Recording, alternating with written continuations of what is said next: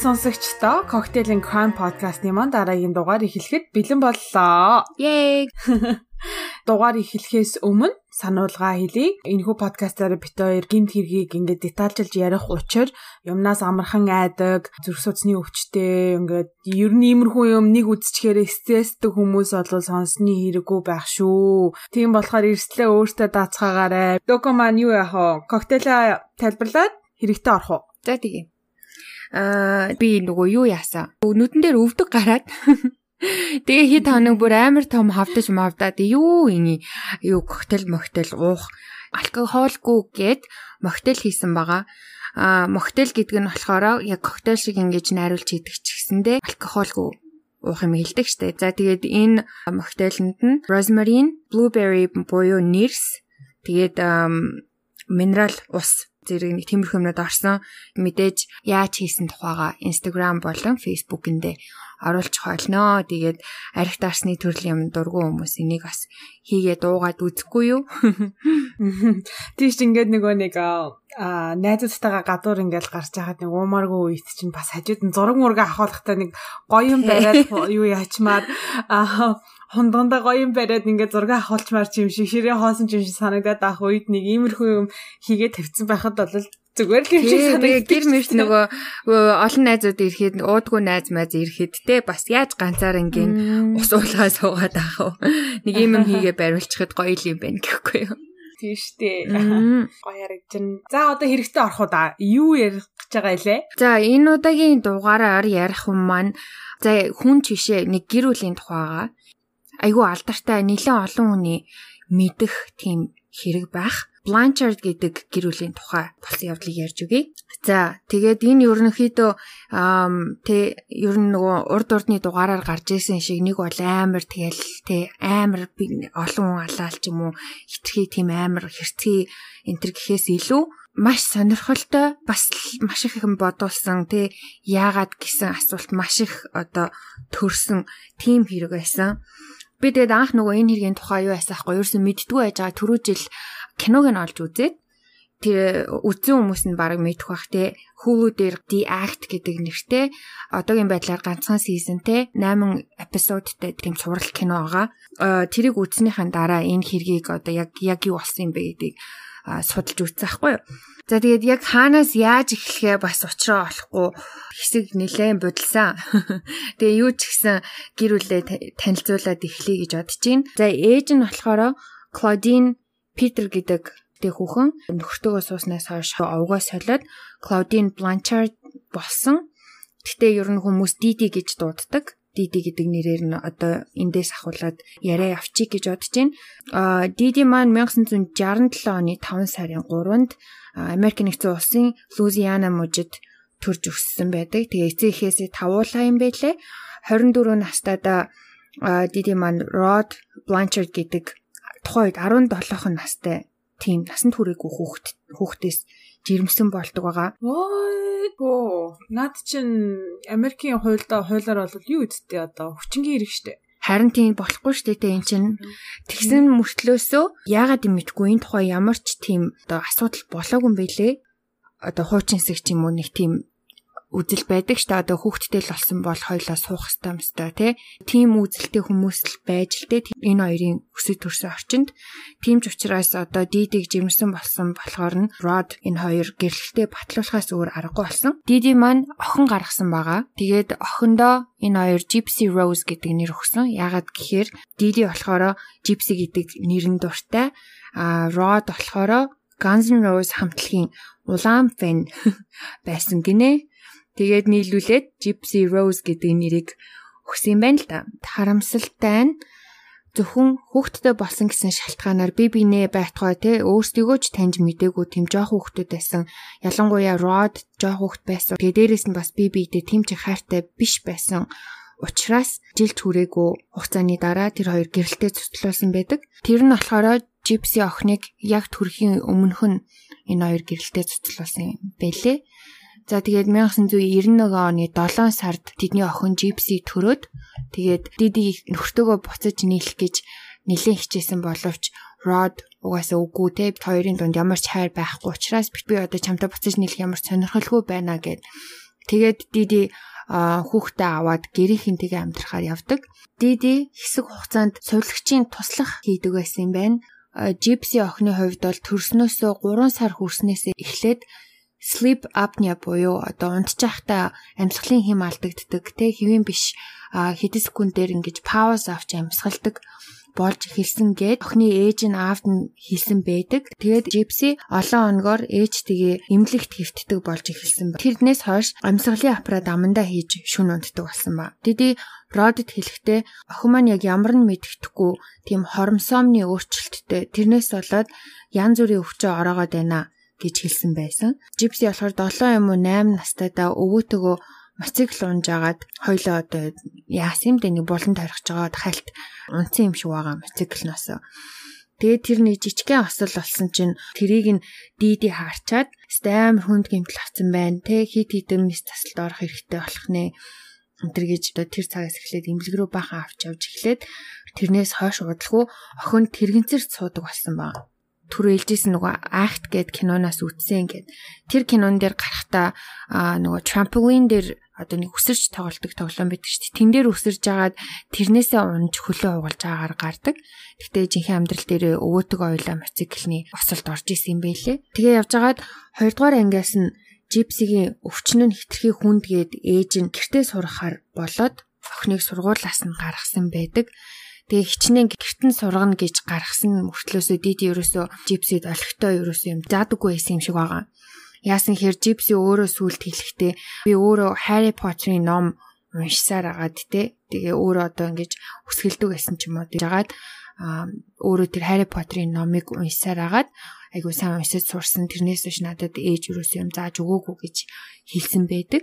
Тэрнээс төд удалгүй тэр хоёр Дидигийн аав болон хойд ээжинд нь хэсэг амьдардаг. Гэвч нэг шалтгааны улмаас За тэр тэр шалтгааныг би сүүлд ярина.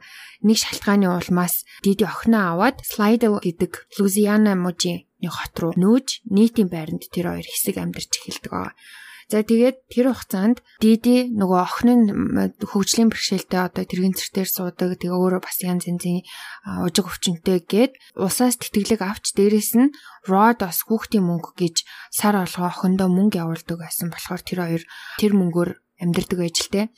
Тухайн үед болохоор тэр хоёр ихэнх цагаа эмнэлгүүдээр орж гарч тийм эмчилгээ хийлгэж янз бүрийн жижиг тийм мэс засал энэ төр янз бүрийн юм хийлгэж одоо тэгжил тэр хоёрын өдөр нь өнгөрдөг байсан байгаа байхгүй юу. Энэ хугацаанд ээжийнх нь хэлснээр болохоор унтахтай одоо амсгалын аппарат зүүж байгаа штэ. Дээрээс нь одоо тэрэгэн цэртэй болцсон. Тэгээд хараа нь муу байсан гэж байгаа жипсигийн чихэн ингээ байнга нөгөө өрөвсдөг байсан учраас гуурс суулгасан баг. Дээрээс нь өөрөө хоолоо ингээ амаараа идээд залгиад боловсруулж чадахгүй гэж үүдсэн болохоор feeding tube буюу одоо нөгөө ходоодонд нь шууд нөгөө нэг юм гуурс суулгачдаг штэ. Тэгээ тэрүүгээр ингэж хоолыг нөгдөг. Тим юм суулгуулсан байгаа бас үсийг нь хусч эхэлсэн ба яагаад тэгэхээр цусны хоорт авдартай болохоор хими эмчилгээ хийхлээр угаасаа үс нүнэ штэ. Тэгээ угаасаа тэртээ тэргүй удахгүй унах үсийг тэгэж унтал нь хүлээгээд яах ингээд шууд халдлаа хийсэн байгаа байхгүй. Ээж нь эмчнэрт бас жипсид сүүлийн хэдэн сар саа өвчний шинж тэмдэг илрээд байгаа тухай хэлдэг. Тэгээд тэрний дагуу эмчнэр саа өвчний эм бичиж өгсөн байна. Саа өвчний шинж тэмдэг гэхэр ч одоо янз бүр л ахaltaа. Гэтэ одоо хаяа хаяа ухаан алддаг байж болох юм.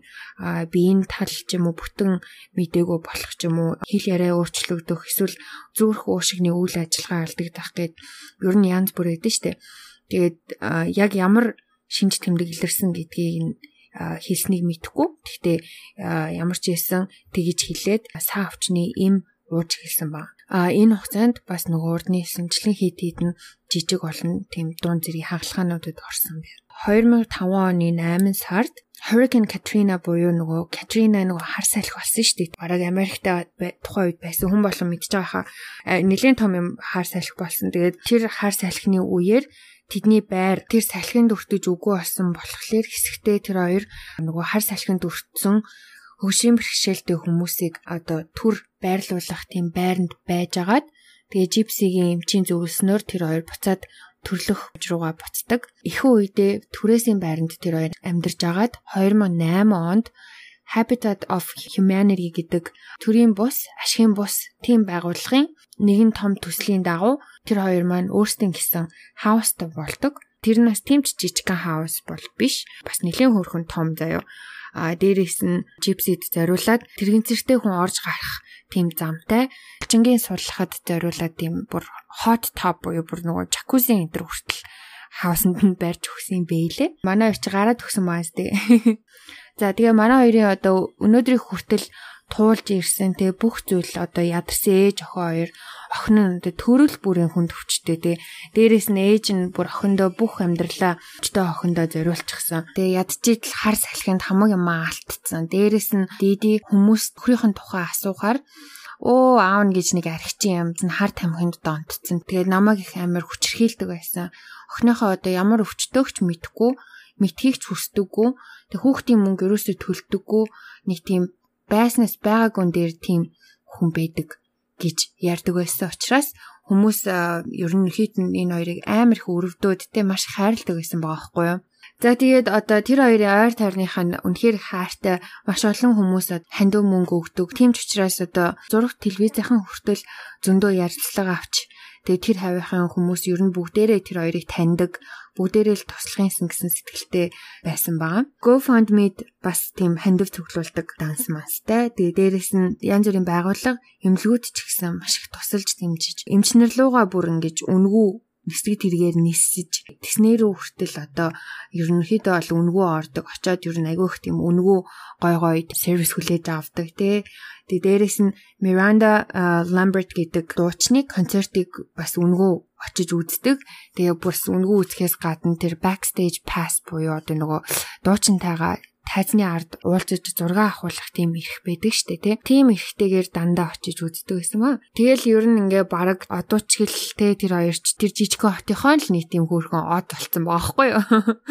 Од чиглэлтэй хаанч явсан юм урилга зарлагаар явдаг ийм хоёр байж л те. Хүмүүс угаасаа тэр хоёртой уулзаад Үнэхээр хайрлаж өрөвтлөхгүй байхын аргагүй заяо. Ялангуяа жипси та нар одоо ингээд төсөөлөөрэй заяо. Ийм жижигхэн метр 50 см-ийн өндөртэй тэрэгэн цэртэй амандаа бараг шүдгүү. Яагаад шүдгүү болсон гэхээр бас л цусны хор тавдрын нөгөө хүчтэй эмнүүд уудаг байсан штэ. Дээрээс нь шүлсний булчирхааг нь авснаас болоод тэр шүднүүд нь ингээд сулраад дээрээс нь нөгөө тэр хүчтэй эмнүүдийн нөгөө гаж нөлөөгөөр хамаг шүднүүд нь ингээд хорхоо идсэн юм шиг үүрээд ер нь угаасаа л авахаас өөр аргагүй болт. Тэгээд нэг том тийм зузаан нүдний шилтэй дээрээс нөгөө чихэндээ гуурстай толгой нь халдсан тий ээж нь байнга хусдаг. Амар тийм жоохон хүчиг нарийнхаа тийм бараг киноны баатар бай юм уу гэмээр тийм хоолойтой. Хоолой нь ямар байсныг би танарт нэг жижигхэн бичлэг сонсгож үзүүлье. I remember my mom had gave me this little glass house and she said this one day this will be real. And now it finally is. За ингээ хоолой. За gypsy юм. За тэгэнгүүт ээж нь болохоор байнга тийм охиныгоо халамжилсан тий. Угаасаа харахад ч гэсэн юм амар нүд дүүрэн бандгар. Охиныхоо дээр амьсгалынх нь хүчил төрөгчийн аппаратыг ингээ барьцсан. Feeding tube хийсэн гэсэн ш нөгөө хоол хоолны гуурс. Тэрнийхэн дээр сольдог юм юм янз бүрийн одоо юу ч хийдгийг тий тэр юмнуудыг ингээ барьцсан. Тэгээ охиноо төрцөн ингээд хоёлаа ингээд инээд талцсан тий байнга ингээд тэрвэрлцэн байн гар нь хөтлөлцөн нэг юм хоёр хөөхөн хүн байхад угаасаа үнэхээр хинч хайрлахгүй хаа аргагүй штэ. За ийм хоёр байжээ.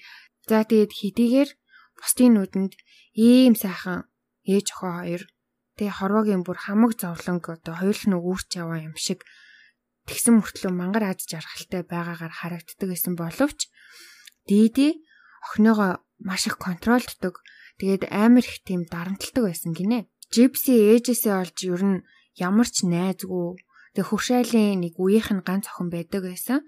А тэр тэднийдээ л нэг хаяа орж гардаг. Тэр нь л нэг хаяа гэрээр нь орж гардаг. Тэгсэн мөртлөө тэрнтэй бас ээж нь тэмч батн найзлуулдаггүй. Удаан ингэж хамт байлгадаггүй. Жохон байж байгаа л за за одоо бид тээр инглээ тэлээгээд хөөчдөг. Эхтэн үнтэй угаасаа ойлгомжтой хизээч найзлах байтугай эртөө өний бараг бараач харж байгаагүй бах.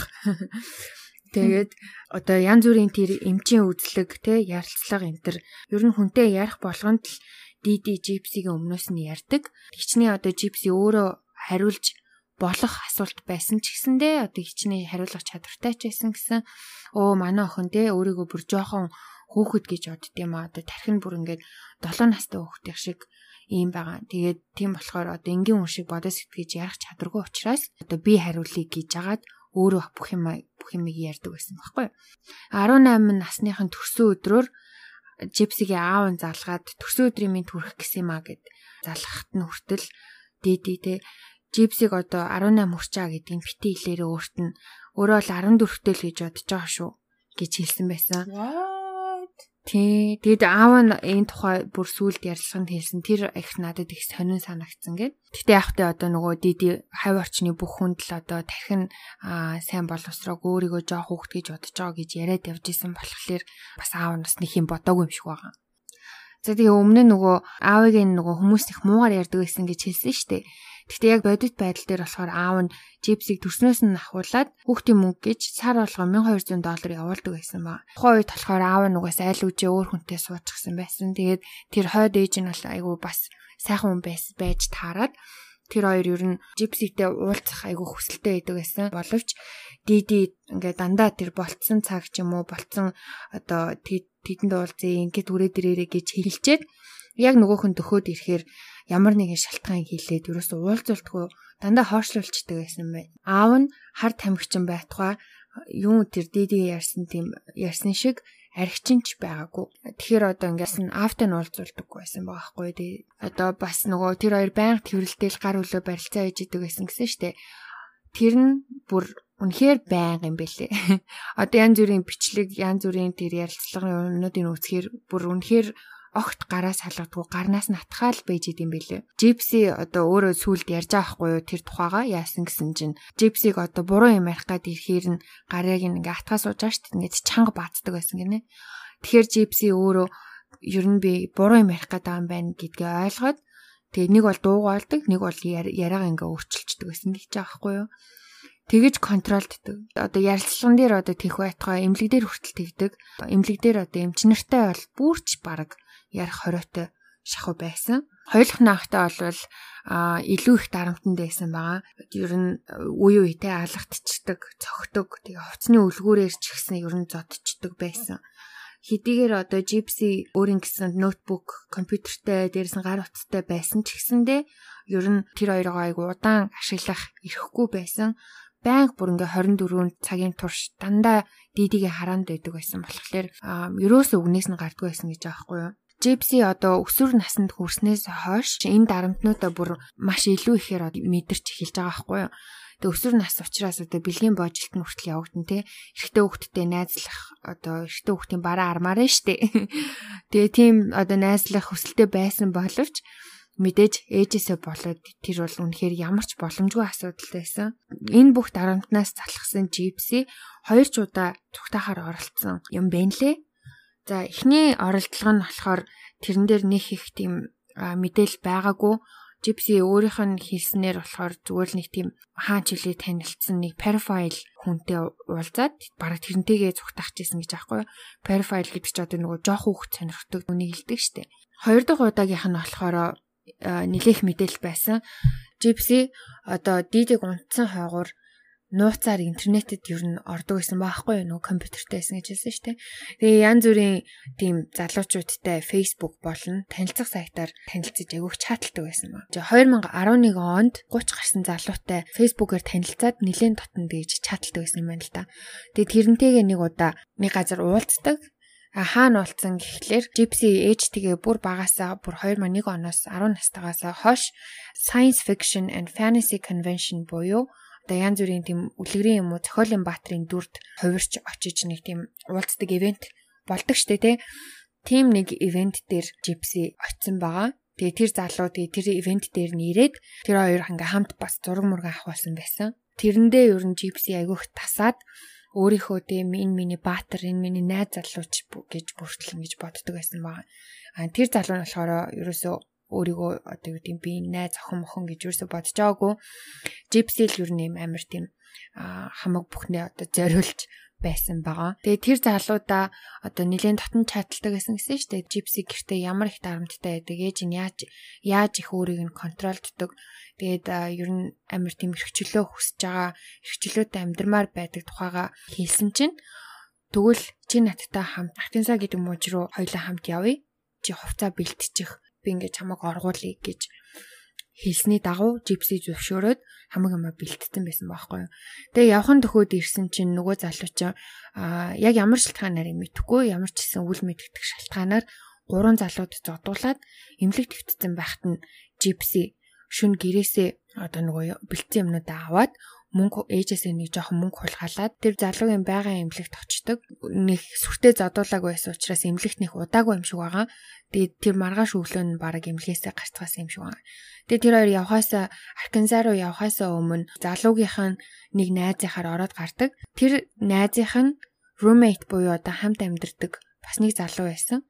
Тэгсэн тэр залуу нь болохоор тэр хоёрын хальт таньдаг залуу байж таарсан. Тэгэнгүүт тэр залуу харчаад гайхаж дэтээ нөгөө тэрийн зэрэгтэй тэр залуугийн бодлоор бол аюу жоохоо охин гэж бодож байгаа. Насан туршаагүй охин гэж бодож байгаа. Аа ийм жоохоо охоод энэ 30 гарцсан миний үеийн энэ хөвшин залуутай яах чи энэ энэ залуу нь энэ ох жоохоо охиныг яах гэж ин гэж хардаад дидигийн найзыг нь таньдаг байсан учраас найз руу залгаж хэлсэн байгаа байхгүй юу. Тэгээ танаа найзын нөгөө насан туршаагүй өвчтөе охиныг манаа нэг таньдаг 30 гарцсан залуу дагуулад явчлаа.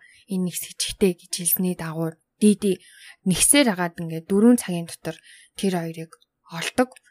Тэгээ тэр хоёрыг олоход тэр хоёр аль үжээ тэгээ зочид буудалд буучгсан. Тэгээ яг дидийг ороход угаасаа ингээд амар тухны харилцаанд орох гэсэн юм шиг байсан. Диди угаасаа бөө юм болно шүү дээ нөгөө залуугийн чинь дээжистэй насан туршаагүй жоохон хүүхдийг 15 та ийм жоохон хүүхдийг гээд төрсний гэрчгийн үзүүлээд яах гэсэн те чи эн чи гемт хэрэг би чам шүүх цагтаагаар явна маавна гэж бөө юм болоод дээрээс нь нөгөө жипси чинь угаасаа ээжтэйгээ баах хэрэлдэн штэ одоо өөрийн дураар зүгтаас үхт чинь Тэгээд нөгөө хоёр чинь баахан хэрэлдэж хэрэлдэж дид юм мэдээж охиноо аваад гэрлүүгээ явдаг. Гэртээ очиод нөгөө хоёр чинь бас бөө юм болоод диди шууд компьютер утас хоёрын алхаар зохиж эвдлээд жипсиг э, чи ахиж зүгтах гэж оролдоо ахиж юм хийх юм бол дараагийн удаа би чиний хуруу нэт чинь алхаар зохио шүү гэж сүрдүүлсэн байдаг бэлээ.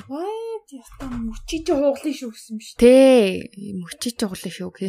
Тэгээд энээс болоод 2-7 хоногийн турш дийди охиноо шийтгсэн. Яа шийтгсэн гэсэн чинь нохооны хүзөвч байдаг шүү дээ. Одоо тэрийг хүзүнд нь зүүгээд нөгөө булангийн гаванд уяад гавны нөгөө талыг болохоор ортой нь хүлээд тэр ингээд орноосоо одоо нохооны хүзөвчний зайтай л хөдөлгөөр болсон маад тэгэж 2-7 хоногийн турш уяад дээрэс нь хоолыг хасч өлсөжсэн гэсэн хөрхийн амтаа энэ явдлаас олж дээди хуйлчаар Жипсиг тархин бүрэн хөгжөөгөө эрүүл ухаантай хүн шиг сэтгэх чадваргүй гэсэн тийм албан ёсны бичиг гаргуулж авсан учраас одоо ямар нэг юм болоод Жипси цагдаа дутах юм бол эрүүл ухаантай хүн биш гэдэг тийм албан ёсны бичигтэй болцсон.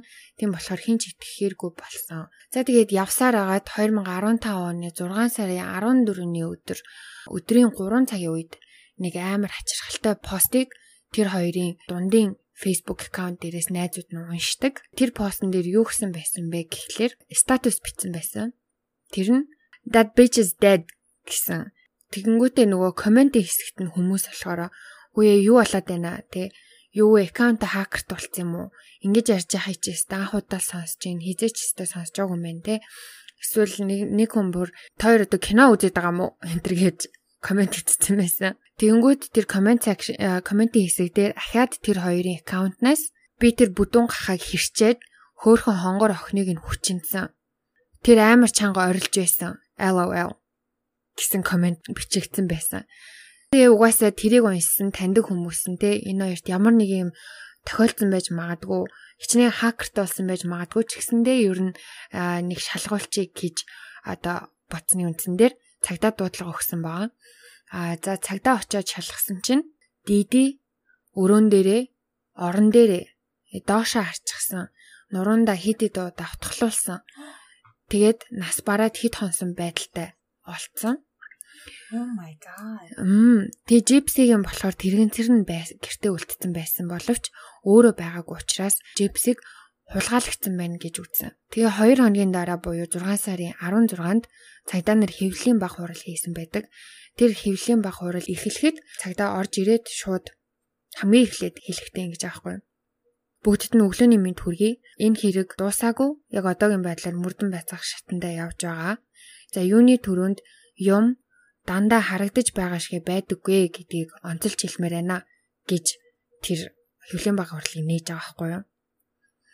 За тэгээ юу болсон гэсэн чинь Джипсиг урд өдөр нь буюу 6 сарын 15-нд Висконсин мужаас амьд мэд олсон бөгөөд тэнд найз залуу болон тэр найз залуугийнхаа гэр бүлтэй байж исэн. За юун залуу хаанаас яагаад гараад ирвэ? Юу найз залуу вэ гэсэн чинь компьютер эвдлүүлснээс хойш нөгөөх чи ээжийнхээ компьютероор нууцаар шүн унцсан агуур нь интернет ордог гэж агаад 2012 онд Кристийн шүтлэгтэй хүмүүсийн танилцдаг тийм вебсайтаар Nicholas Godijan гэдэг өөрийнхөө үеийн тийм залуутай танилцаад одоо хүртэл гэхээр одоо 3 жилийн турш онлайнаар энэ хоёр үерхдэг тийм харилцаатай байсан баг. Nicholas Godijan гэдэг залуугийн тухай тавч танилцуулахад Висконсин мужид амьдардаг.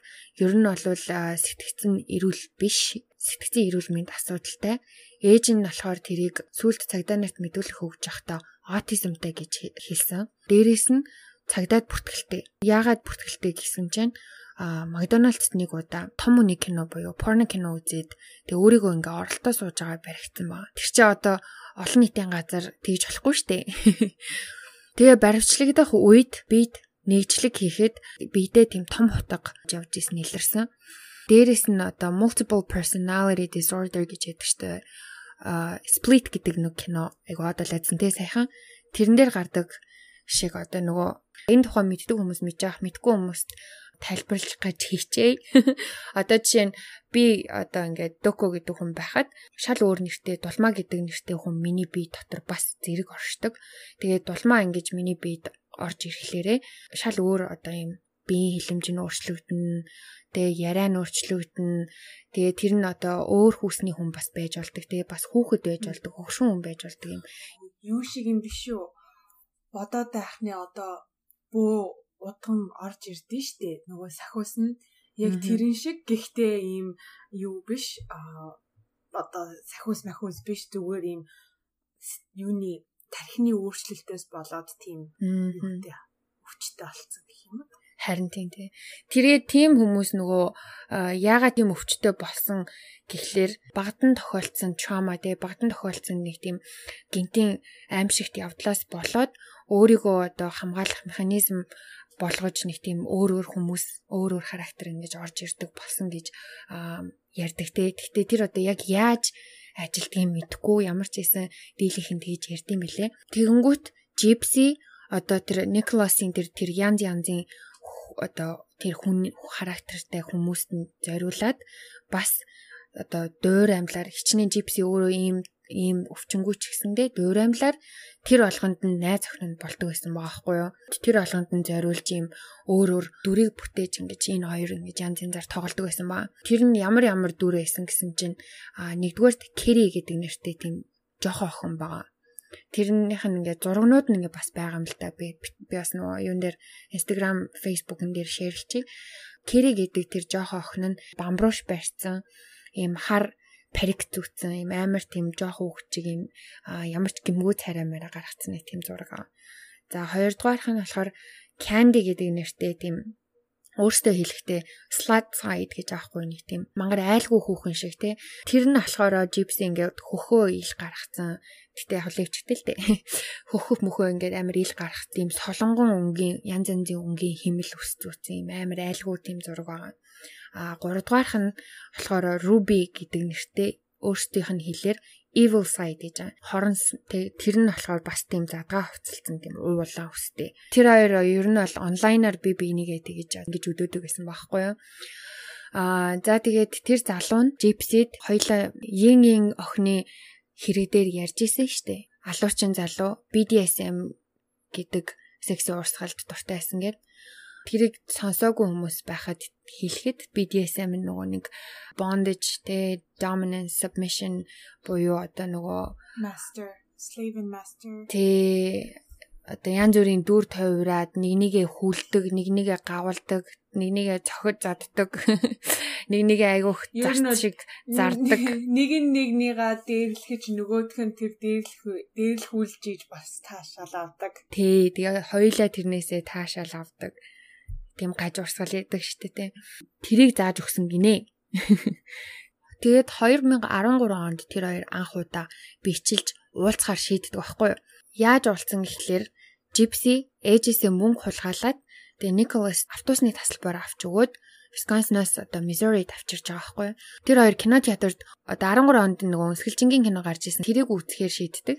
Тэгээд тэр хоёрын төлөвлөгөөгөөр болохоор кино үзэж байгаад байхдаа одоо санаандгүй ингэж үе тэнгийн хоёр хүүхэд тааралдаад тэр тэр доороо танилцаа тэгээ ээжтэй ингэ шинэ танилаа шинэ найзаагаа танилцуулж байгаагаар уулзалтахаар болдог байхгүй юу. Кино чартер дорцсон чинь зааланд нь тэр гураас өөр хүмүүс ерөөсөй байгаагүй. Өдрийн цагаар эс учраас одоо айгу цөөхөн үздэг шүү дээ. Диди болохоор Никласыг харчаад Жипсид амир ингэж муулж исэн гинэ энэ одоо ямар ачаа амтан бэ? Тэгээ энэ хүүхдийн киног том хүүхд том хүн юм байж иж хүүхдч дагуулж ирээгүй найз охин жаахгүй ганцаараа ингэж үзэж тахтай яа тийм ямар сонин хүн бэ юм бэ гэр ингээд амир жирхсэн байгаа хгүй ээж нь киноны дундуур яаж юм бүү мэд заяа Тэр хоёр 0-д уулздаг. 0-д уулзаа тэр хоёр бэлгийн харилцаанд орсон байгаа. Амжуулжээ.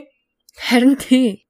Ярилцлаганаас үүсгээд болохоор Николас хэлэхдээ Жипси намайг эргэтэй 0 руу хоёлоо одоо юу яа гэж дагуулж ороод тэгээд тэнд анх бит хоёр бэлгийн харилцаанд орсон гэж ярилцлаганд хэлсэн байсан. Кинон дээр гарахтаа болохоор би бас сайн санахгүй байна. Гэхдээ ээж ээж нь ингээ кинон дундуур нь хальт зөрмөлж байгаа хооронд нь 0 орчоод ирэх гээд гарчаад ирдэг баха.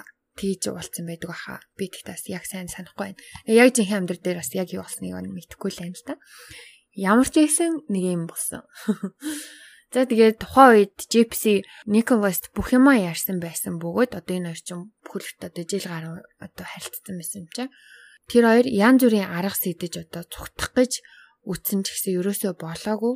Тэгэд ямар сайндаа тий хамгийн эцсийн шийдвэр дидийг алахаар болсон байна. Тэр нь болохоор Джипсигийн санаа байсан бөгөөд Николас тэрийг нь үлдэж өгөхийг зөвшөөрсөн. Джипси мөнгө цуглуулж агаад Николасыг ирэх пледийг нь авч өгөөд Николасыг тэдний хотод ирлээ гэд мессеж бичгтэн Джипси би хаалганы хажууд Бэли үлдээсэн байгаа. Манай хаалга онгохдоо амар чахарч дуурайд идэг болохоор өөрөө шургууж орох хэмжээний завсар гаргаад жижигхэн нэгээд аажуухан хаагаарай. Чамаг орж ирсний чинь дараа би чамд хутаг скотч хоёрыг өөх болно хонгор минь. Би бас хумсаа будж гин. Ягаан өнгөр гэсэн мессеж бичсэн.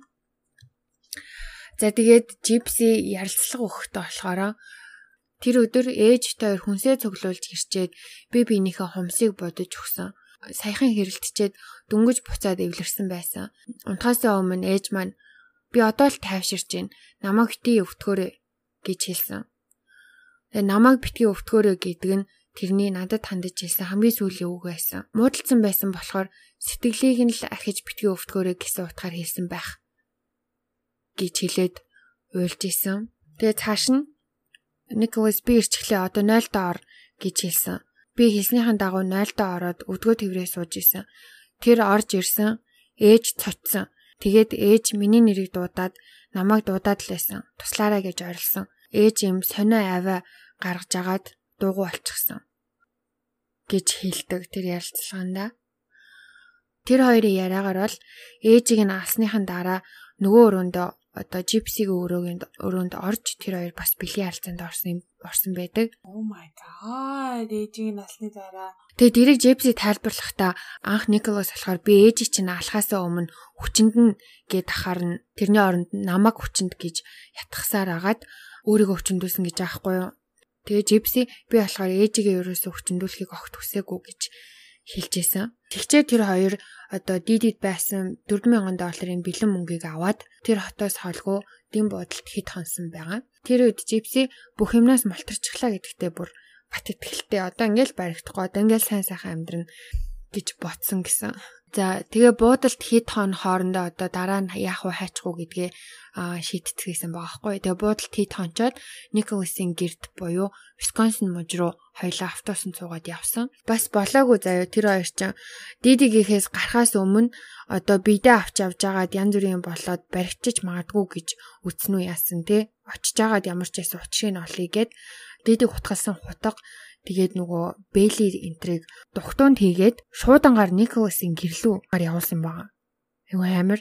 Тэгээ Николасын гэрт очсны дараа Джипси тэр нөгөө Facebook постыг өөрийнхөө тэр аккаунтнаас бичсэн байгаа хгүй юу. Тэр постыг бичсэн IP хаягаар нь хөөж цагдаа нар олоод тэгээ тэдний гэрийг нь олчиж байгаа хгүй. Тэгээ гэрт нь шууд генет дайрч орж тэр хоёрыг баривчилсан байдаг. За тэгээ баримтчилгааны дараа шууд тэр хоёрыг тус тусад нь байцаалт авсан. Байцаалтны бичлэгэн дээр бичлэгнээс үзэхэд Джипсид одоо цагдаа анх удаа хэлж байгаа хгүй юу те?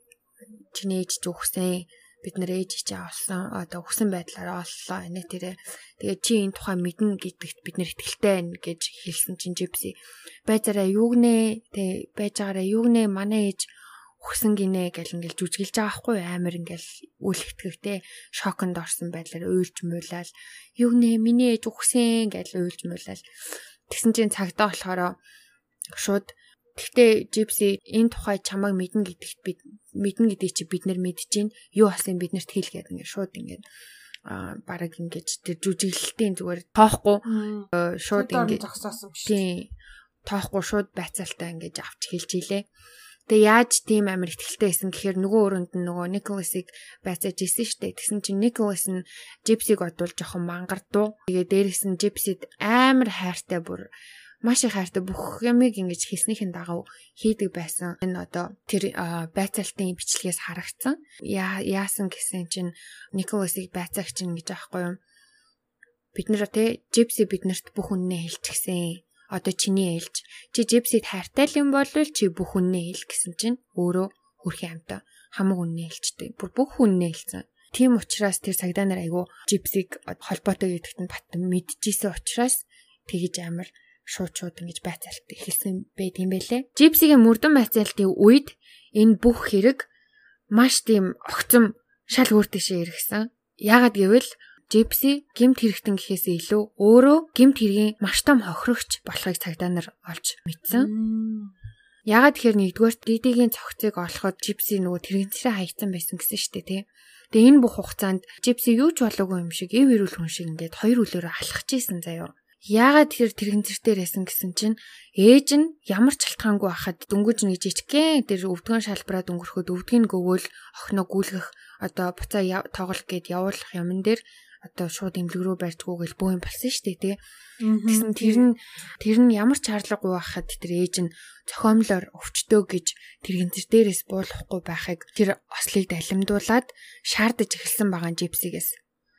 Тэгээ чи одоо энэ тэр гинзэр дээр ингэ суух хэвээр энэ дээрээс бууж болохгүй, алхаж болохгүй, гүйж болохгүй гэх Тэгээ хүүхэд ласаа ингээд зөв зүгээр юм чинь хаяа чипс юм мартаад босоо гүйчдэг тийм тохиолдлууд байсан гинэ. Тэр үедээ маш хүн чийдгүүлж хоолоо асуулах ч юм уу эсвэл ингэж зодуулдаг байсан учраас жипси угаасаа тгий жүжиглэхээс өөр аргагүй болсон. За хоёрдугаарт баригдах үед ус нь бүр ингээд халимаг болтлоо ургацсан байсан. Ус чинь удахгүй угаасаа унахын юм чинь эртхэн хусчигээд хар багаас нээж нь албаар хусаад идэг гэсэн. Гуравдугаарт болохоор цусны хорт авдар гэж яриад байгаа. Тэр нь шал худлаа. Ямар ч тийм цусны хорт авдар байгаагүй. Тэрнээс олж одоо нөгөө зөв зүгээрээс өгөхөд хоолны гуурс суулгасан байгаа байхгүй юу. Джепси өөрөө хэлэхдээ сар болгон тэр гуурсаас солиулдаг байсан. Тэр гуурс солихотоо амар өвддөг байсан гинэ. Ерөөсө тэрийг хуу хамж аваад буцаал шин гуурс хийгээл ямар ч тийм өвчин намдагч юу ч өгдөггүй байсан гэсэн хөрхийн амтаа. Тэгээ дээрээс нь тэр чи эрүүл хөвгтэйс тээ. Тий, эв эрүүл хоол амаараа шууд хоол идэх чадвартай. Дөрөвдүгээрт гэсэн чинь чихэн бас зөв зүгээрсэн гинэ. Тэгээ бас аваачаа гуурс гуурс суулгаа. Тавдугаард нөгөө амар зузаан харааны шил зүйдэг байсан гэсэн штэ. Тэрийг нь одоо үнэхээр хараа муутай үгүйг нь мэдэхгүй. Гэхдээ энэ сүүлийн одоо ярилцлагууд янз бүрийн юмыг нь үзэхэд шил зүүгээд зүүж байгаа нэг ч харагдаагүй. Тэгээ бодвол бас тэр нь бас худлаа ясан байж магадгүй. 6 дугаарт бүр нөгөө 3 сартаад амьсгалан тасалтаад унтаж чадахгүй байх гэж амьсгалын аппарат зүдэг болсон дээ тий. Тэр нь бас хиймэл өвчин байсан. Джипси өөрөө болохоор тэр аппаратаа зүүхээр харин ч бүр ингэж амьсгалахад амар хэцүү байдаг байсан. Юу тэр туслах байтугай бүр харин ч хэцүү байдаг байсан гэж хэлсэн. 7 дугаарт шүсний булчиргааг нь авахулсан гэсэн дээ. Тэр нас худлаа өвчин байж таарсан. Тэгээд яаж тэрийг одоо эмчнэрт үнэн юм шиг харагдуулсан гэхлээр шүдний имлэг явхаас өмнө буйлын мэдээ алдуулцдаг гэсэн гинэ. Тэгэнгүүт нөгөө нэг мэдээ алдсан буйлтай хүн чинь шүлсэн амар контролгүй гойж штэ. Тэгэнгүүт эмчнэр итгэсэн байгаа амар сонио.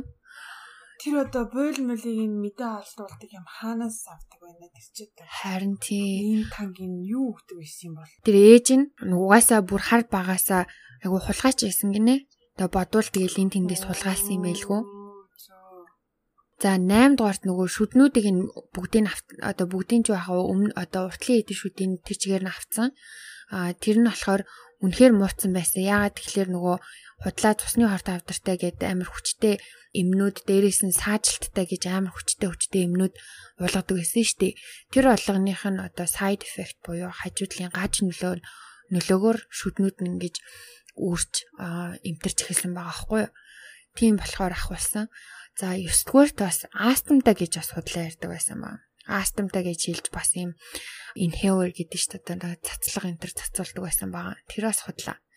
10 дугаарт бас нөгөө тархины хөгжил нь муу энэ болоод 7 настай хөгжиг сэтгэж боддог гэж хүн болгонд хэлсэн нь бас худлаа байсан. Зүг зүгээр ир вирус хавсаар болох хөгжтэйсэн байхгүй.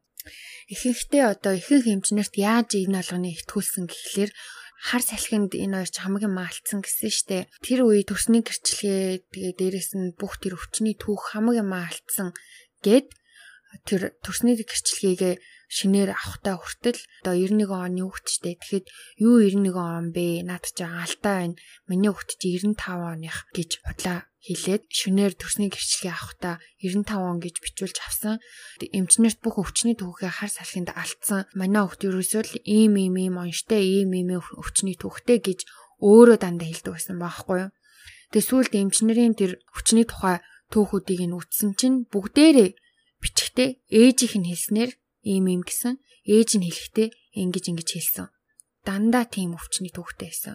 Нэг эмч одоо нөгөө хөлнийхэн булчингийн үдчихэд зөө зүгээр хүүхдэнд энэ одоо яавч булчингийн дистрофтэй хүүхд бол биш байна. Илгэж чадхаар хүүхдэнд гэж мэдсэн байгаа хгүй булчингийн үд харчаад тэнгуүтээ харин ээж нь Манчаусенгийн синдромтой хүн байж болтшгүй гэж бодож эхэлсэн байгаа.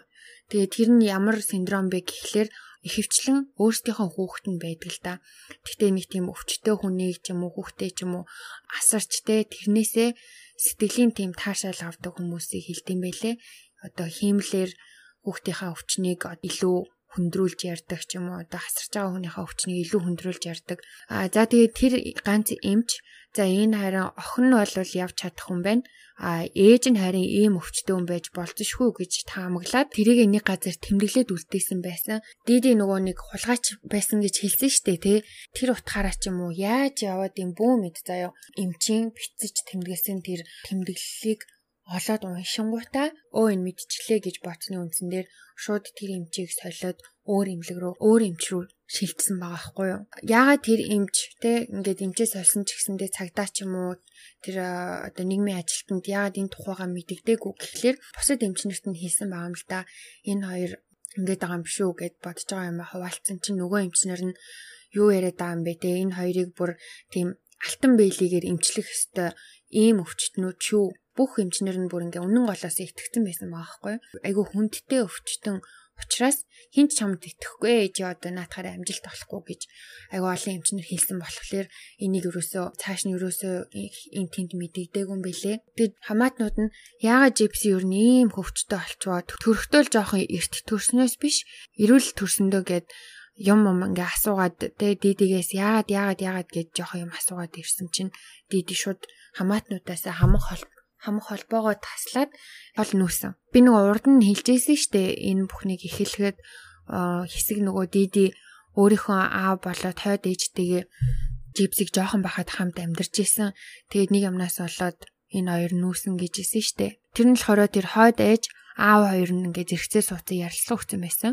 тэн дээр хойд ээж нь ярилцлагандаа болохоор Диди бол угаасаа амар тийм хорон амар evil Тэгээ бид нартай хэсэг амьдарч байхдаа миний хоолнд тийм шарилж устгахч хийдэг гэсэн юм байна лээ. Тэгээ миний бие муудаад 9 сар би бүр 9 сарын тур шивтэрт байсан. Тэгээ дидиг нүүсний дараа зүгээр алчихсан. Тэгээ би энэ муудаад ирэнгүүт нөгөөх чи угаасаа дидиг шууд асуусан байгаа хгүй юу? Хөөе чи одоо миний хоолнд хор игээд байгаа маа шин тэ. Тэгээд дээрэс нь тэр гэрт одоо нөгөө нэг жипсиг айгуу тэгэж муу харлаа, үл хайхарлаа энэ гэсэн янз бүрийн тийм хэрүүл гараад тэгээд ер нь диди тэндээс нүүхэр болсон юм бэлээ. Тэгээ яагаад хойд ээж нь шууд те чи надад хор өгсөн биш үү мш үү гэж шууд ингэж диди рүү дайрсан гэхээр хэсэг хугацаанд диди төрсөн ээжигээ биен муухад хамт амьдарч хүү ээжигээ одоо асарч хамт амьдардаг байсан. Тэгээ тэр хугацаанд диди ээжигээ амар их зовоосон. Тэгээ асардаг байсан гэхээс илүү айгүйх тамалдаг байсан баа. Хоолыг хаяа өөхгүй хоолыг нөхгүй удна, өлсгөн. Тэгээ нөгөө айгу хөгшин настай би энэ муу хүн байсан учраас юм нөгөө том хүний пампер шиг юм зүүдэг байсан юм байна л да. Тэр юм момын сольж цэвэрлж өгөхгүй амар удна. Тэгэл амар муухай бааш шээстэй ингээ удаан хугацаагаар ингээд хайчдаг тий туслахгүй. Тэгээд дээдээ туслаарай гэдэг ингээд дуудаж муудаад эн тэнд ойчаад ч юм уу туслахт нь ерөөсө тоож муудгүй амар удаж муудчихж очиж мочдөг. Ер нь л айгуу тийм зөвүүн ээжигээ тэгдэг байсан гинэ. Хамаатнууд нь тэгээ бүр дээдэг бараг ээжигээ алсан байж магадгүй гэж ярьдаг. Хамаатнууд нь бүгдээрээ дийдид маш дургу. Одоо тэд нэр хоорондоо л ярьдаг байсан байгаа байхгүй юу? Энэ дийди одоо ээжигээ хор өгсөөрөө алчлаа гэж гэсэн тийм болоод дидигээ хойд ээж нэг өөртөө ихтгэлтэйгэр чи надад хор өгöd байгаа мó гэж ингэж дайрсан байгаа байхгүй юу. Дидиг нас орсны дараа цогцыг нь чандралсан. Чандрыг нь яах вэ гэдэг асуудал гарч ирж шít. Тэгсэн чинь гэрийнх нь ерөөсөө хамаатны садаг бүгдээрээ би л авахгүй, би л авахгүй, надад л авмаагүй гэд ерөөсөө хинч тоогоогүй гинэ. Тэгсэн чинь төрсөн их чинь илүү дүүн. Надаа 0 руу урсгачаа гэж хэлсэн. Дидигийн аав нь хойд ээж хоёр нийлж агаад үнэхээр 0 руу урсгацсан байгаа. Тийм үү. Амар агаад. Oh my god. Тэгэхээр угаасаа диди бүр хамаатай ойр тойрныхоо тэр хүмүүст бүр үнэхээр бүр бүр ингээ үзий ядагдсан хүн байсан байгаа байхгүй юу? Үнэхээр дургу ээжээ. Үн хүмүүс бүр жигссэн байна тэр үгүй. Бүх хамаатных нь ярьж байгаа ярьлаа өгж байгаа бүхэл хамаатных нь өө диди чи угаасаа хүртэх ёстойгоо хүртсэн. Тэр угаасаа навш байсан. Тэр угаасаа амар тийм хорон байсан. Evil байсан гэж ярьцгааж илээ. Тэгээ диди хулгай хийдэг байсан гэсэн штэ. Дээрээс нь бас ээжгээ тийм хуурамч чек бичдэг байсан. Тэгээ тэрнээсээ олж бас хэд хэд удаа баривчлагдчихсэн. Нэрээ ч гэсэн хэд хэд удаа өөрчилж исэн байдаг. Сонсоход ижилхэн ч гэсэндээ янз янзын тийм илүү өсөг энэ тэнд нь оруулж ингэж янз янзын нэртэй хуурамч нэрнүүдтэй юм бэлээ. Одоо жишээ нь Blanchard гэдэг овг нь хүртэл анх Blanchard гэдэг D үсгээр дуустдаг байхад Blanchard болгож бас и үсэг нэмж мэмэд ч юм уу те гэх мэт ингэж янз бүрийн үсэг эн тэнд нь тэ залгаж ингэж одоо яадаг ч гэсэн юм юмнаас болтдог байсан баахгүй. Энэ хүртэл ингээд сонсчоод хүн болгон бодож байгаа хэрэг яагаад нэг ч гэсэн хүн ингэж энийг ерөөсөө олж хараагүй юм бол тэ яагаад нэг ч гэсэн хүн ингэж гомдол гаргаагүй юм бол гэсэн чинь нэг зүйл болсон юм бэлээ уг нь. 2009 онд тийм нэрээ нууцлсан хүн цагдаад гомдол мэдүүлсэн байсан. Тэр нь болохоор Диди одоо эн тэнд өөр өөр төрсөн өдөр аа тэгээд өөрөөр нэрнүүд ашиглаад байна. Өөрөө ч тэр охин нь ч тэр хоёлаа юм өөр өөр онсаар өдөр өөр өөр нэртэйгээр ингээд яваад байна. Тэ тэгээд охин нь өөрийнх нь хэлж байгаа шиг тийм ч амар тийм хүнд өвчтэй биш юм шиг аа санагдаад байна. Давслаад хүн хуураад янз бүрийн тэндээс юм тэтгэмж тэтгэлэг аваад ах шиг байна гэж гомсны дагуу цагдаа нар дидигийн герт нь очдөг байхгүй юу? Тэгсэн чинь дидэ өөрөө хаалгаа тайлаад тэгээд энэ тухай ингээд ярьсан чинь өө тийм ээ энэ бол үнэн. Яагаад тэгэхээр би одоо X нөхрийгөө өмнөх нөхрийгөө төөрүүлэх гэж ингэдэм аа тий би өмнөх нөхрөөсөө ер нь цугтааж амьдардаг. Миний өмнөх нөхөр маань амар дарамтлагдаг. Би айгүй их тийм дарамтанд байдаг байсан. Тэгээ тэрнээс нуугдаж цугтаах гэсэндээ ингэд юм аа. Дандаа ингэж юмнуудаа ингэ сольж ин тэнд ингэж явдгаа. Тэгэж тайлбарладаг. Тэгээ нөө цагдаа нугасаа ингээд жипсийг харангуут угаасаа хөөр химэн жижигхэн амтан тэр ус мөс нь халзан баахан тюб мөв суулгацсан тий тэр хинцэр дээр суудсан байгаа амтэн тэгэнгүүт ямар ч хүн харсан өө энэ бол хүн төвчтэй хүн байна гэж бодсон штэ. Тэгэж бодсон болохоор тэд нэр дидигийн үгэнд итгээд тэр гомдлыг хэрэгсэхгүй болгосон юм бэлээ. Цагдаа нарын ажлаа бас сайн хийж чадаагүй нэг зүйл нь экс нөхрийгөө одоо ингэж шүү дээ. Манай тэрийн юм болохоор ингэж байна. Тэр экс нөхрөөс очиж ямар ч мэдүүлэг аваагүй. Хэрвээ род дээр очиод энэ үнэн үү гэдгсэн болвол тэгээ юу тэр тэр үнийг хэлж байгаа шиг архичин тийм хар тамхичин биш өөрөө дахиад сайхан гэр бүлтэй болцсон. Тэгээ охинтойгоо холбоо тогтоох гэж амар их хүчээдэг, сар болгон охиндоо мөнгө явуулдаг ийм хүн байгаа дээ. Тэнгүүд бол ингээд асуудал өрнөх байсан байгаа байхгүй юу? Тэгээ даанч цагдаа нар бас ажиллаа дутуу хийснээс болж аа энэ ингээд энэ энэ хэрэгсэхгүй болсон. Диди тэр хүмүүсийн нэг юм одоо нэгүүлсэнгүй энэрнгүү сэтгэлийг энэрнгүү сэтгэлийг байдаг гэдгийг мэддэг. Тэгээ тэрийг яаж ингэж тархитгаа мэддэг байсан хүн юм шиг сонсогдож байна. Яста нөгөө хин байсан биш. Master manipulator, яста master lover чин толгой эргүүлэгч чадварлагаар хүнийг удирддаг, удирдах чаддаг тийм гар исэн байна. Манай экс ерөнхийлөгч гэж. My name is Elizabeth. За тэгээд анх одоо дидигийн үхлийн талаар мэдээ цацагдахад хүмүүс Жипси амьд олдлоо ингээд найз залуутайгаа хоёлаа ингээ органж ийсэн оллоо моллоо гэж мэдээ гарч байгаа дээ. Тэр үед Жипсиг амар үзээ ядцгааж ийсэн. Угаасаа ойлгомжтой дээ. Ээжийг алдсан тий нэг залуу дагцсан сайхангаар явж исэн. Энэ бүх одоо бүх энэ одоо Жипсигийн яриа мараа бүгдээрээ ил гарсны дараа хүн болгон бүр ингээд энэ тухай дээр бүр яаж хүлээж авахаа мэдгүй бүгдээрээ ингээд юм сонирн байдалд орчиж байгаа хгүй юу. Одоо би ч гэсэн одоо мэдгүй жипсиг буруутгах хэцүү, буруутгахгүй байх хэцүү тий айгүй сонин. Ерөөсөө урд нь сонсож байгаагүй юм айгүй юу гэвэл ер усын хэрэг байгааз. Жипсигийн шүүх хурал болохоор 2015 оны 7 сард болоод Жипси 10 жил хорих ял авдаг. Тэгээд Николасын шүүх хурал болохоор бөө юм болсон байгаамаа. Тэр чи ирүүл үгүй аа тэгээд л одоо Николас өөрөө дурандаа хийсэн үгүй Жипси хий гэсэн гэл одоо бөө юм болж болж болж болж болж бүр хаа исэн 2019 оны 2 сард эцсийн байдлаар буруутай гэж шийдвэр гарч Николасыг насаар нь хорих ял өгдөг. Жипси одоо шоронд орсноос хойш хүмүүс ер нь турдын ш турын ш одоо шорон боронд ороод царай алддсан ш. Гэтэл Жипси бүр шоронд орсноос хойш бүр ус мөс нь ургаад жин нэмээд царай ороод тэр нөгөө хоолныхан гуурс муурсыг ахуулаад тэр нь идгээд хөөхөн болцсон байгаа. Харин ганц өөрчлөгдөөгүй юм нөгөө нэг амар сони итгээд тэр хүүхчиг тийм нарийнхаа хоолоо нь харин жинхнээс ийсэн юм билий. Үнэхээр тийм хоолойтой. Жипси өөрөө ингэж хэлж байгаа хгүй юу? Би шоронд ээжтэйгээ амьдардаг байснаас ч илүү их чөлөөтэй бүр хамаагүй их чөлөөтэй амьдарч байгаа. Ээж маань жинхнээсээ хүнд өвчтөө хүүхдээ ээж байсан бол их л сайн ээж байх байсан бах та. Би шоронд орсноос хойш тэр Мончхаузен гэдэг синдромын талаар судалж үтсэн. Эн дээр бол ерөөсөө манай ээж бүх шинж тэмдгийг агуулсан байна лээ гэж ярилцлагандаа хэлдэг. Шоронд орсноос хойш Жипси ер нь аав болоод хойд ээжтэйгээ маш татан болсон. Аав нь тэгсэн ч амар инээдтэй нэг нэг юм хэлсэн байсан. Тэр нь болохоор Жипси ээжигээ тийм хүн тархитахтай айгу сайн юм билий. Тим заттай юм билий гэж хэлж илээ. Йоо за зөв юм дээр хүн тархитдаг байгаасаа да. Ястай илээ яг. Тэгээд би яг чиний чамаа ярьж байхад дундуур нь бодож илээ л. Хичнээн энэ охин ингээд ер нь бол өөрөө өөрийнхөө эрх чөлөөг олж авах гад ийм юм хийсэн ч гэсэндээ баг багтаа энэ үдсэн хүчирхийлэлт нь хүчирхийллээс ер нь үүдээд ирээдүйд юм гарч ирэх болов гэж би бас жоохон имэж байна. Харин тийм те. За тэгээд угаасаа энэ хэрэг угаасаа амар алдартай хэрэг гэж ярьж ирсэн дээ. Тэгээд тэгээд хоёр ч том хэмжээний одоо кино байгаа. Нэг нь болохоор болохоор баримтат кино, documentary 2017 онд HBO-гийн хийжсэн Mommy Dad and Dearest гэдэг нэртэй баримтат кино байгаа. Тэр бол YouTube дээр бүрээхээрээ байлаа та нар үзээрэй. Дээрээс нь одоо сая түрүүний хэлжсэн 2019 онд гарсан Hulu-гийн хийсэн The Act гэдэг ТV шоу байгаа тийм. Жүжиглэлт гэдэг кино.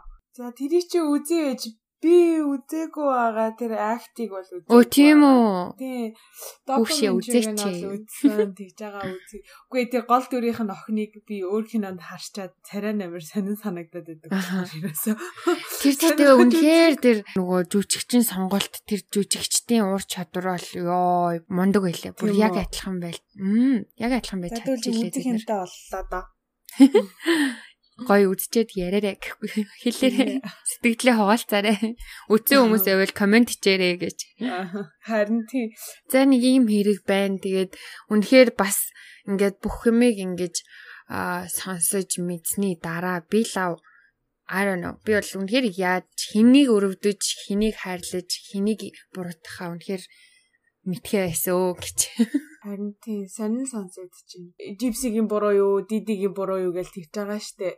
Яг ойлгомжтой ээжээгаа ингээд алуулсан гэдэг чинь бол үнэхээр уучлж болошгүй хэрэгтэй. А гэхдээ бас тэр шийдвэрийг гаргахад одоо ганц түлхсэн хүн нь бол диди өөрөө штэ. Яг муухай сонсогдож магадгүй. Тэгтээ бот ингээд нэг ботхоор юу л өөдөө хайсан ч бол өөрийн тулгаа дээр буцсан юм шиг санагдаад ах юм. Аа. Мэдгүй бас амар адаргаатай хэрэг байна. Энэ анхаас авах сургамж гэх юм бол одоо юу гэж миний хувьд гэх юм бол ойр тойрныхоогоо ер нь анзаарч агаарэ гэж хэлмээрэн урдан дандаа ингээл ер нь хүчирхийллийн тухай ярьдаг. Энэ асал нэг хүчирхийллээс юу те? Нэг хөвлбөр миний бодлоор хин жипсигийн аав бас а илүү хийх юм хийх ёстой байсан гэж би л бодож байна. Хоёрдугаарт болохоор би зүгээр эмчнэрийг бас эмчнэр тэр одоо одоо засгийн байгууллагт ажиллаж исэн хүмүүсийг ер нь ажлаа амар хойр хийсэн гэж бодож байна. Оо хэлээ. Тэр бол угаасаа ярих юм байхгүй. Тэгээд яаж яагаараа тэр оншин зөрөөд тахад хүртэл тэгээд ээжийнх нь шаардсанаар тэгээд юм юм бичиж өгөөд идэв. Би бас ойлгохгүй л энэ уул нь Америкийн эмнэлгүүд чинь тэрэндээ их л сайн да. Тэгээ Монголд байдаг шиг зүгээр аптек руу ороод ийм юм авъя, тийм юм авъя гэж эмчээж авч болтгүй шүү дээ. Дандаа prescription, дандаа эмчийн бичгээр авдаг. Тэр болгоныг яаж тэр тэгэхээр л ер нь дидигийн хүнийг яаж те тархитдаг байсан, яаж аргыг олдог байсан маш тодорхой болж байгаа байхгүй.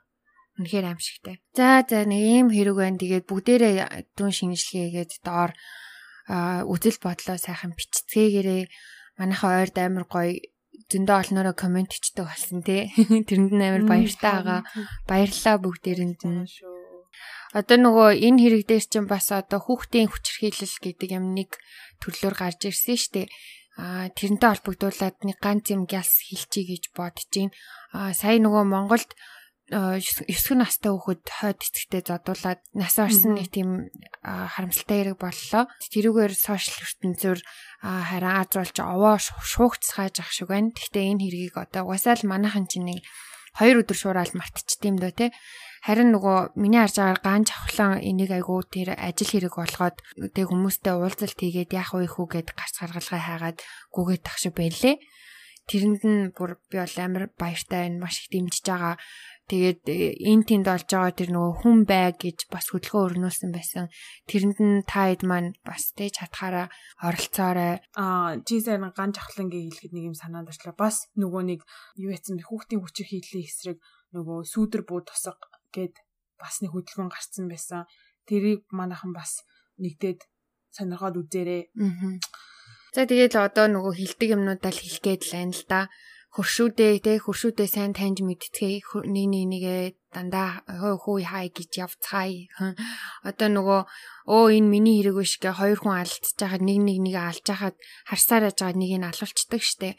Тийм байхаа одоо болох цаг болсон. Ерөөсөө энэ балаа хүний энэ хөр тэ монголчууд яаж одоо сая нөгөө э, хин блэ санжаа илүү нэг залуу яасан ч юмдээ бөө юм болоо бөө юм болоо сошиалар бүр хитэн чоног шуурав Тэгэж хүний эрэхт ордог мөртлөө яагаад ийм одоо осор жамаг зодуулж яхад хүү хай гэж яхад яагаад очиод нэгийг салгачдгүй юм бэ? Хүний эрэхт битгий хуршууdur гэдэг үгээ зөв газраа ашиглаач ээ. За бас нэг юм газ дуусгаас өмнө хэлчихье. Нөгөө Isabella Guzman гэдэг охины тухай бүр амар их request ирж байна. Бүр бүх газраас Facebook, Instagram юулээ бүр бүх газар YouTube-ийн хамаг дугаар болгоны доор тэр охины тухай бичээд өдөрт бит хоёр баг худалчуунд 5 6 мессеж тэр охины тухай хүлээж авдаг.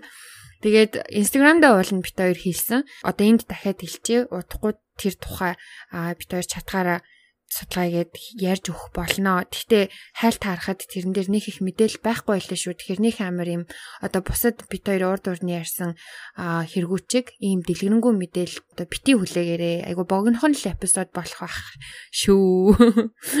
Тэгээд юу сэтгэгдэл бичдэг бас бүх хүмүүстээ баярлаа гэж дахиж хэлмээр байна. Тэгээ бүгдээрэнд нь их баярлаа. Та нарын сэтгэгдэл болгон бит хоёрт амар нандин байдаг шүү. Тэгээ бас одоо YouTube-ийнхаа алгоритмд туслаад дуртай байсан бол лайк дараад дургүй байсан бол дислайк дардагцсан уу одоо юу гэдгсэн тэр болгоныгоо ямар ч байсан нэг реакц үзүүлээрээ бид хоёр юун дээр алдаад байгаа юу болж байгаа юу болохгүй байгаа гэдгийг бас хараал явж байгаа. Одоо хүртэл хоёлаа суралцаал явж гин. Тийм болохоор бид хоёр туслаад те гоё фидбек өгөөрэй Дээрэс нь одоо хүмүүс одоо YouTube-ээр л яг ганцхан сэтгэгдэл харж байгаа учраас YouTube-ийн сэтгэгдэл дээр тулгуурлаад хэлчихье бит хоёрын одоо хийж байгаа зүйл маань подкаст гэж явж байгаа шүү дээ подкаст. Бит хоёр ерөөсөө ютубер биш ээ подкаст гэдэг чинь одоо одоо манай зарим нэг сонсогчдын ярьж байгаагаар одоо хүний яриаг ингээд өөр юм хийж байхдаа сонсох тийм хүний яриа сонсгол ичүүдээ энэ юусоо харах үзэх юм биш. Тийм учраас битгий одоо ютубер олигтой бичлэг хиймээ гэж битгий загнаарэ. Энд чинь зүгээр сонсох юм байхгүй юу? Тийм учраас дахиад автаад хэлэхэд бит хоёрын подкаст маань 7 8 төрлийн платформ дээр цацагдж байгаа тэр донд одоо Apple-ийн podcast гэдэг аппликейшн дотор хүртэл байгаа шүү те. Та гоё машина машинда гоё төгдрөө явж байхдаа гоё сонсоорой заяа эсвэл хөөхөн зарим сонсогчд маань хэлдэг штэ нөгөө хоол ээж байхдаа сонсчлоо ч юм уу хувцас угааж байхдаа сонсчлоо гэд хэлдэг штэ. Тэгэхэд ерөн сонсоод айгүй тохиромжтой байдаг. Бас алимд нь нөгөө нэг юун дээр байгаа гэсэн штэ. Apple podcast дээр байгаа гэсэн штэ. Тэн дээр бас манайхан тэгээд дуртай байгаа бол одоо 5 оноо өгдөгсөн үү те дургүй байгаа бол нэг ч юм уу ямар ч хамаагүй тэр юугаа ревю бичээрэй ревюгаа өгөөрэй фидбек өгөөрэй сэтгэгдэл үлдээгээрэй гэж хүсье аа Оо манайхаас саяхнаас нөгөө M+ дээр гарч ирсэн шүү. Оо тий. Яг үнэ. Монголын нэг юу байсан шүү, тэ? Подкастууд. Би тэрүүгээр ном сонсдог байж байгаад өөрөө ерөөсө бодоогүй мэлээ дараад гисэн чи манай дөкө очийн олцсон. Дахиад нэг урт дугаар өгсөн шүү манайхаа. Аа. Таалагдсан гэд найдаж байна. Тэгээд энийг дуустал нь сонссон хин блэ MVP гэдгээ мэдж байгаа. За тэгээд бүгдээрээ дараа дараагийнхаа дугаараар дахин уулзцгаая. Баяр таа. Баяр таа.